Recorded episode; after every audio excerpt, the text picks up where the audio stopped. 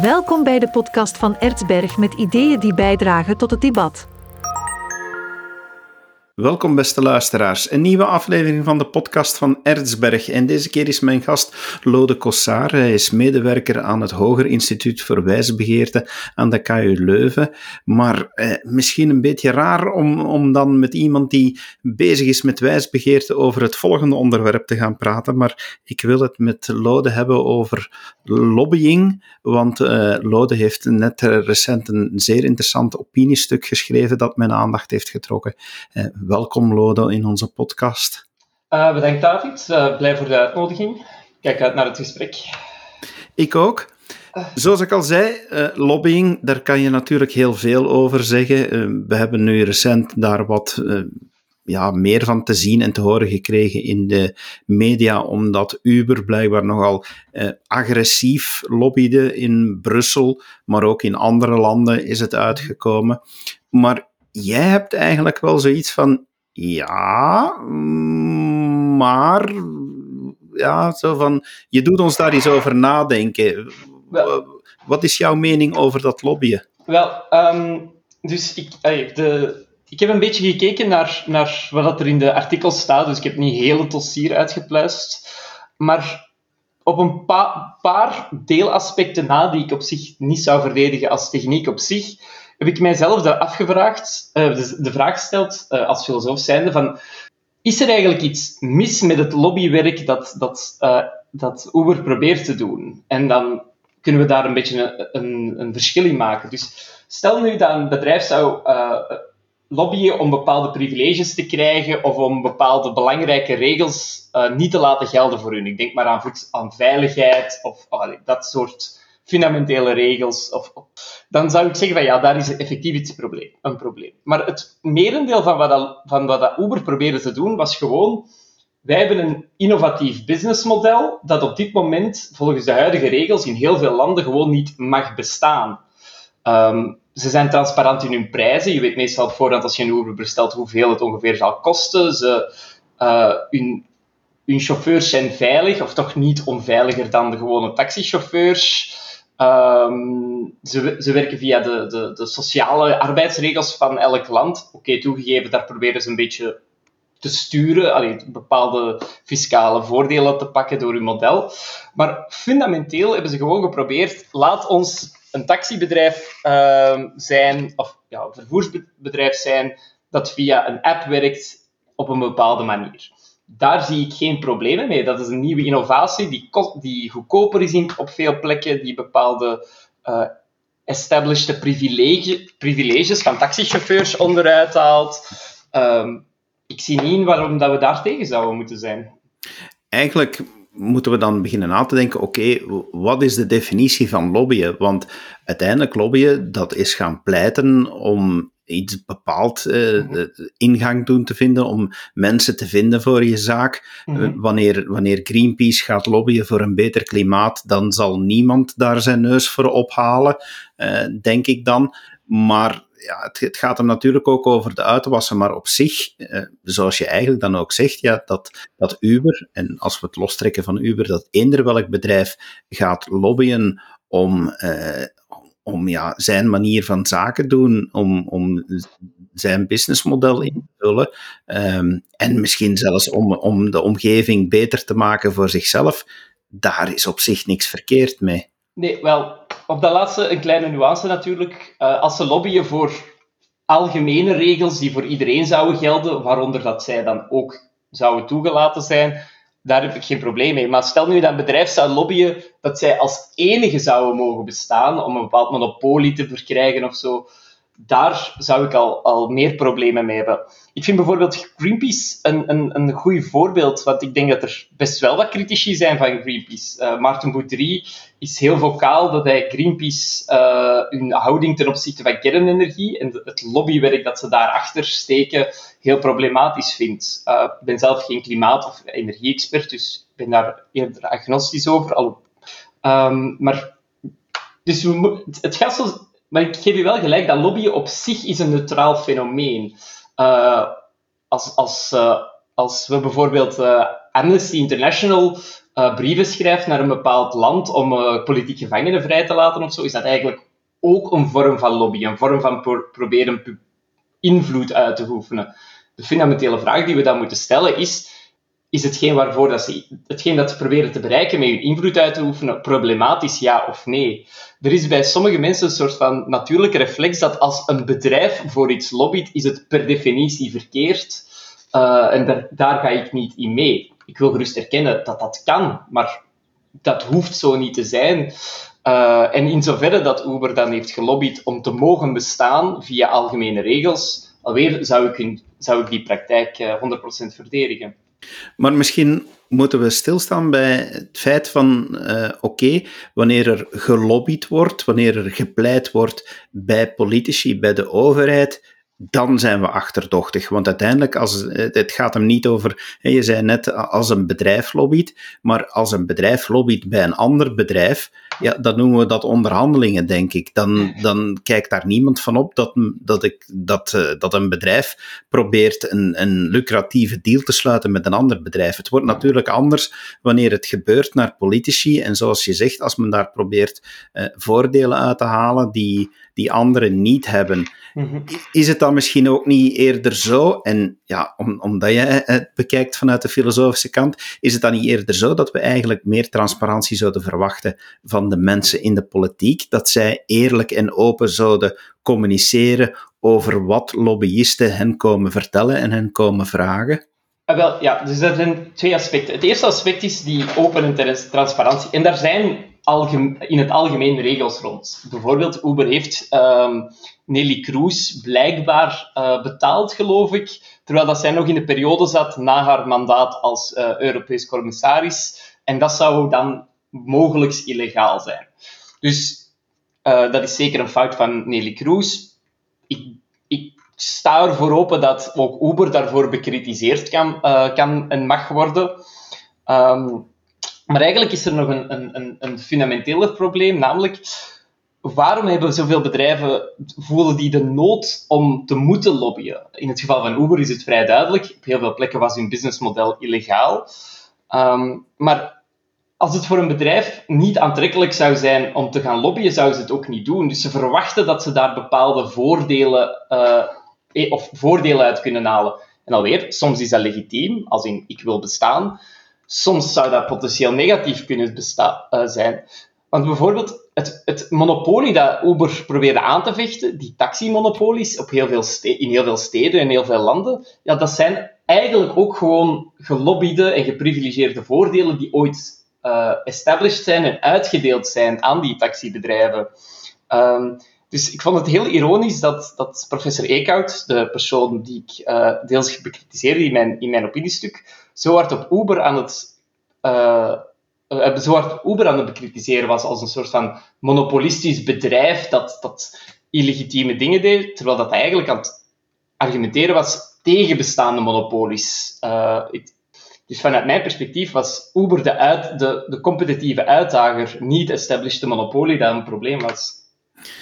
Dat is het hem net. Hè. Het, gaat er, het gaat altijd heel concreet over de cases. Ik, ik, ik, kan zelf zeggen dat ik ook al gelobbyd heb. Ik heb jarenlang bestuurslid geweest in de beroepsvereniging voor, uh, voor providers in, in België. En toen uh, er de eerste keer sprake was van wetgeving die, die ongelooflijk veel druk zou leggen op het bijhouden van data, mhm. dan, zijn, dan zijn wij, inclusief ik, ook met politici gaan praten om te zeggen van hey, besef je wel wat extra kosten dat dit meebrengt en hoe weinig effect dat het gaat hebben. Ik, het is zoals je zegt, hè, van, van wie is uitdager, wie wint er iets bij. En uh, ja, in het geval van Uber kan je, kan je daar al zeker de vraag over stellen, waar, zijn zij niet degene die, die uitdagen? Waarmee ik dan eigenlijk tot mijn volgende punt kom. Mhm. Ja, is het niet normaal dat in een maatschappij die evolueert, dat er bedrijven en organisaties zijn die de status quo gaan uitdagen. Als we dat gaan verbieden, ja, verbieden we dan eigenlijk niet de vooruitgang? Uh, ja, uh, ja, daar ben ik het uh, natuurlijk mee eens. bijvoorbeeld, um, we hebben er juist al uitgehaald dat, dat bijvoorbeeld Greenpeace een lobbyist is, maar het ministerie van Privacy, die, de, de, de, de, de, organisatie die opkomt voor privacyrechten, dat is, dat is natuurlijk ook een lobbygroep. Um, het, het klimaatproces dat, dat, dat uh, is opgericht hier in België en Nederland, dat is, eigenlijk, dat is ook een vorm van lobbyen en politieke beïnvloeding van drukkingsgroepen. Um, um, en het, het, het allerironische is dat we in België zelfs een, uh, bepaalde lobbygroepen een soort van monopolie hebben gegeven om onderling te onderhandelen. Namelijk de Raad van Tien, de Vereniging van uh, Werkgeversorganisaties, uh, of het, het, overleg tussen de werkgevers en de werknemersorganisaties. Dat zijn twee blokken van lobbygroepen die samen onderhandelen en dan met een voorstel komen naar de overheid en zeggen: dit is, dit is ons voorkeur, uh, dit beleid geniet onze voorkeur. Maar we hebben daar de sleutels van ons arbeidsmarkt en sociaal zekerheidsbeleid grotendeels afgegeven aan lobbygroepen. Nu, ik ben zelf tegen dat systeem, want ze hebben daar bepaalde alweer privileges die anderen niet hebben. Het is dan heel ironisch dat, dat, dat we enerzijds dat systeem hebben en anderzijds zo front, verontwaardigd kijken als bepaalde andere bedrijven uh, dan gaan lobbyen, of ja, dan gewoon proberen de politiek aan te spreken. Uitgeverij Erzberg heeft deze zomer twee boeken omtrent toerisme uitgebracht.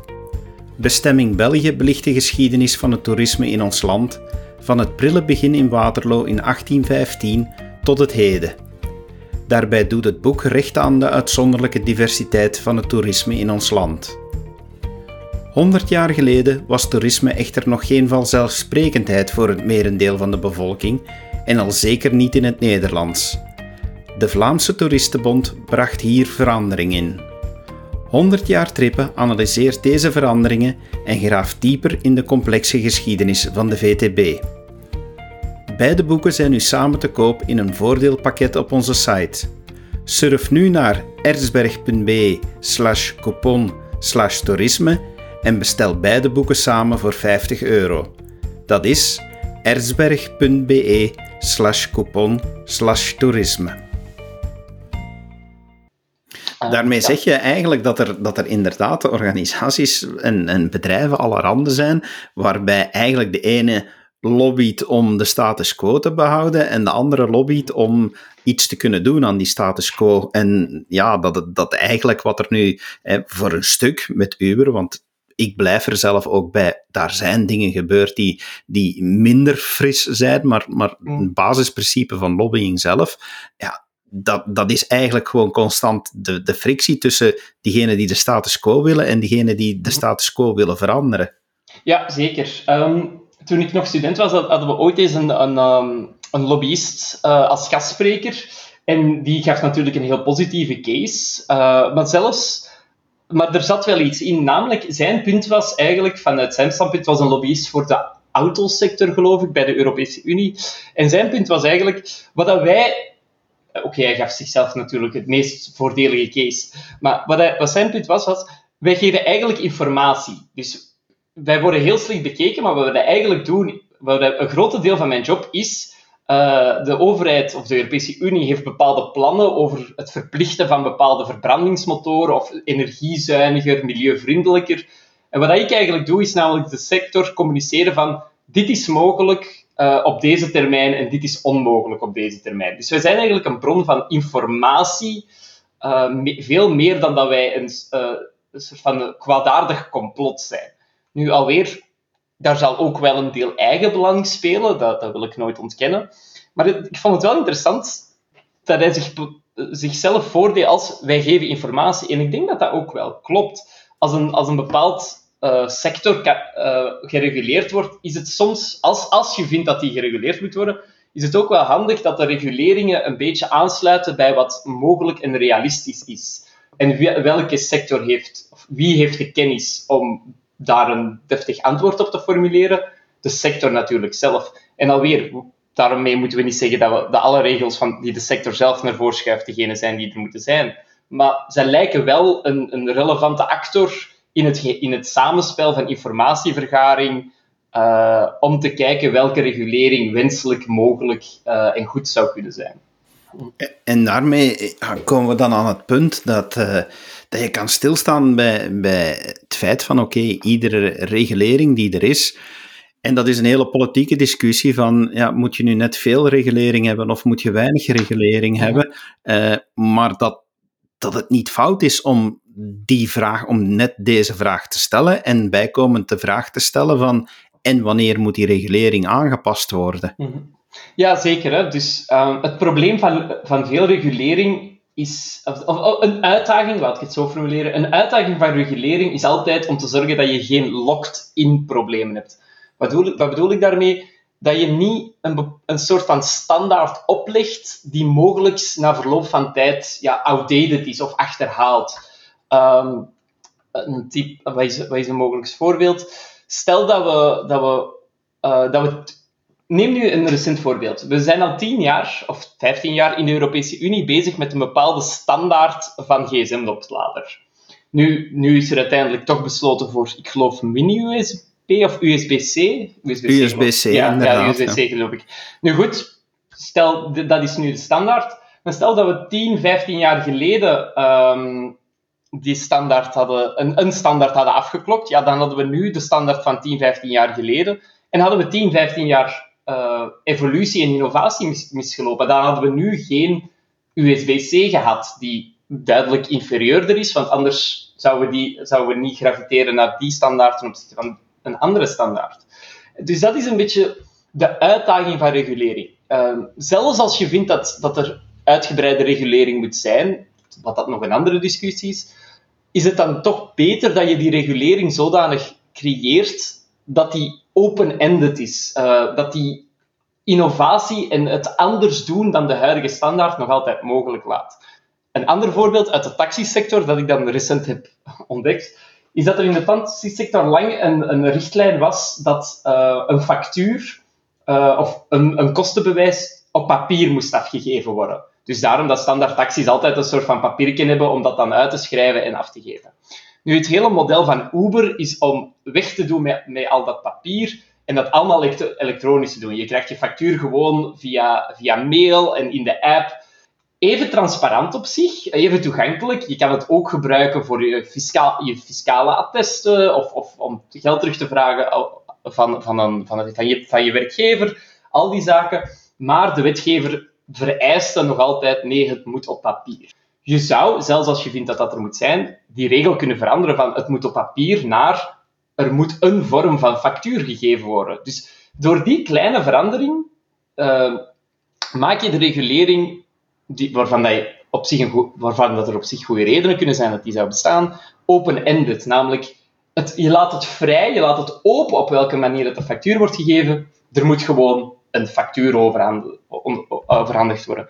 Nu, en ik weet dat ik focus op dit hele, kleine voorbeeldje, want ik ken natuurlijk niet alle regels uh, en alle reguleringen in alle sectoren, maar dat is een beetje een fundamentele verander, uh, andere vorm van daarnaar te kijken. En zo kunnen we andere voorbeelden verzinnen. veiligheid. binnen, de, binnen de taxisector moet je blijkbaar om de twee jaar een, een cursus of een examen gaan afleggen over klantvriendelijkheid en en dergelijke. Uber lost dat deel op door het ratingsysteem. Als jij een lage rating krijgt bij Uber, ja, dan ga jij op den duur door Uber gecontacteerd worden. En dat is een veel directere consumentenfeedback dan om de twee jaar een examen doen over klantvriendelijkheid, denk ik dan. Want het is niet zo moeilijk om dat ene keer te faken bij een examen. Het is iets uitdagender om elke keer opnieuw een goede taxichauffeur te zijn ten opzichte van je cliënteel. Ja, daar, daar heb je een punt. En, en dan, dan, dan zeg je eigenlijk in één keer, een overheid moet uh, veel meer kijken naar uh, kaderregulering, naar een kader creëren, dan effectief de regeltjes gaan uitschrijven tot op de komma, of beter gezegd, waar de komma moet staan ergens en zo. Dus, en dat dat kader dan ook zeker moet open genoeg zijn om innovatie toe te laten. Uh, ja, natuurlijk. Um, en alweer, dat is, dat is een uitdaging op zichzelf. Hè. Nu, in mijn ogen hoeft heel veel regulering niet, want we zouden heel veel regulering kunnen vervangen door een paar, paar basisregels aangevuld met aanvullend recht. Uh, maar als je dan toch gaat kijken naar reguleringen, dan zou ik het inderdaad op een zo breed uh, mogelijk kader doen. Een, een hele perverse vorm daarvan is licenties. In België hebben we daar gelukkig nog niet zo'n negatieve evolutie voor in. Maar bijvoorbeeld in de VS heb je licenties nodig uh, om... Is er een bepaalde staat waar je een licentie nodig had om basically haartooi te doen, kapper. Nu, um, en de licentie-examen en de hoeveelheid uren dat je daarin moest steken, was langer dan de opleiding voor, ik geloof, politieagent. Nu, we kunnen zeggen dat goed, uh, een goede kapper zijn uh, belangrijk is. Waarschijnlijk is het niet nodig om veel meer uren en veel moeilijkere examens te steken in het examen kapper dan in, uh, dan in het examen politieagent. Um, um, dus je, het is, licenties hebben heel vaak de neiging van ah, we moeten toch goede kwaliteit hebben. Maar wat het eigenlijk vooral creëert, is het een, is het een soort van gatekeeper, een soort van systeem dat bepaalde mensen afsluit, meestal mensen die minder sociaal en politiek en cultureel kapitaal hebben, om binnen te geraken, om dat, dat systeem te doorgronden. Um, en daardoor heb je dan minder opties voor mensen uh, en duurdere prijzen enzovoort enzoverder. Uh, want bijvoorbeeld bij dat, bij dat haartooi, dat examen haartooien, daar, daar waren bijvoorbeeld een heel theoretisch luik over de effecten van verschillende chemische producten, uh, die dan ook ja, basically een examen chemie. Nu alweer, het is belangrijk dat een kapper weet welk product gevaarlijk kan zijn voor uw, voor uw, voor uw lichaam en, en, en ogen en dergelijke. Dat, daar ga ik allemaal mee akkoord. Het is waarschijnlijk niet nodig om elke uh, potentiële uh, kapper een heel examen te moeten geven over chemische processen.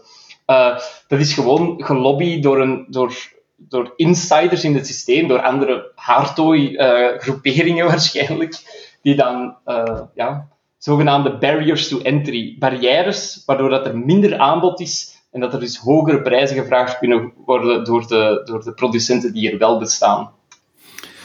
Stof tot nadenken, Lode, dank je wel dat je tijd hebt vrijgemaakt om daar even met ons over te praten, zodat we uh, eigenlijk kunnen hopen dat onze luisteraars eens, eens even gaan nadenken en zeggen van, Hmm, waar, waar zijn de grenzen van lobbyen en uh, welke grenzen willen we aan regulering? Dus uh, hartelijk dank daarvoor. Geen probleem. Ik vond het een heel aangenaam gesprek. Uh, tot, tot de volgende keer. En u, beste luisteraar, dank u wel dat u geluisterd hebt. En heel graag tot bij een volgende podcast van Erzberg. Dag.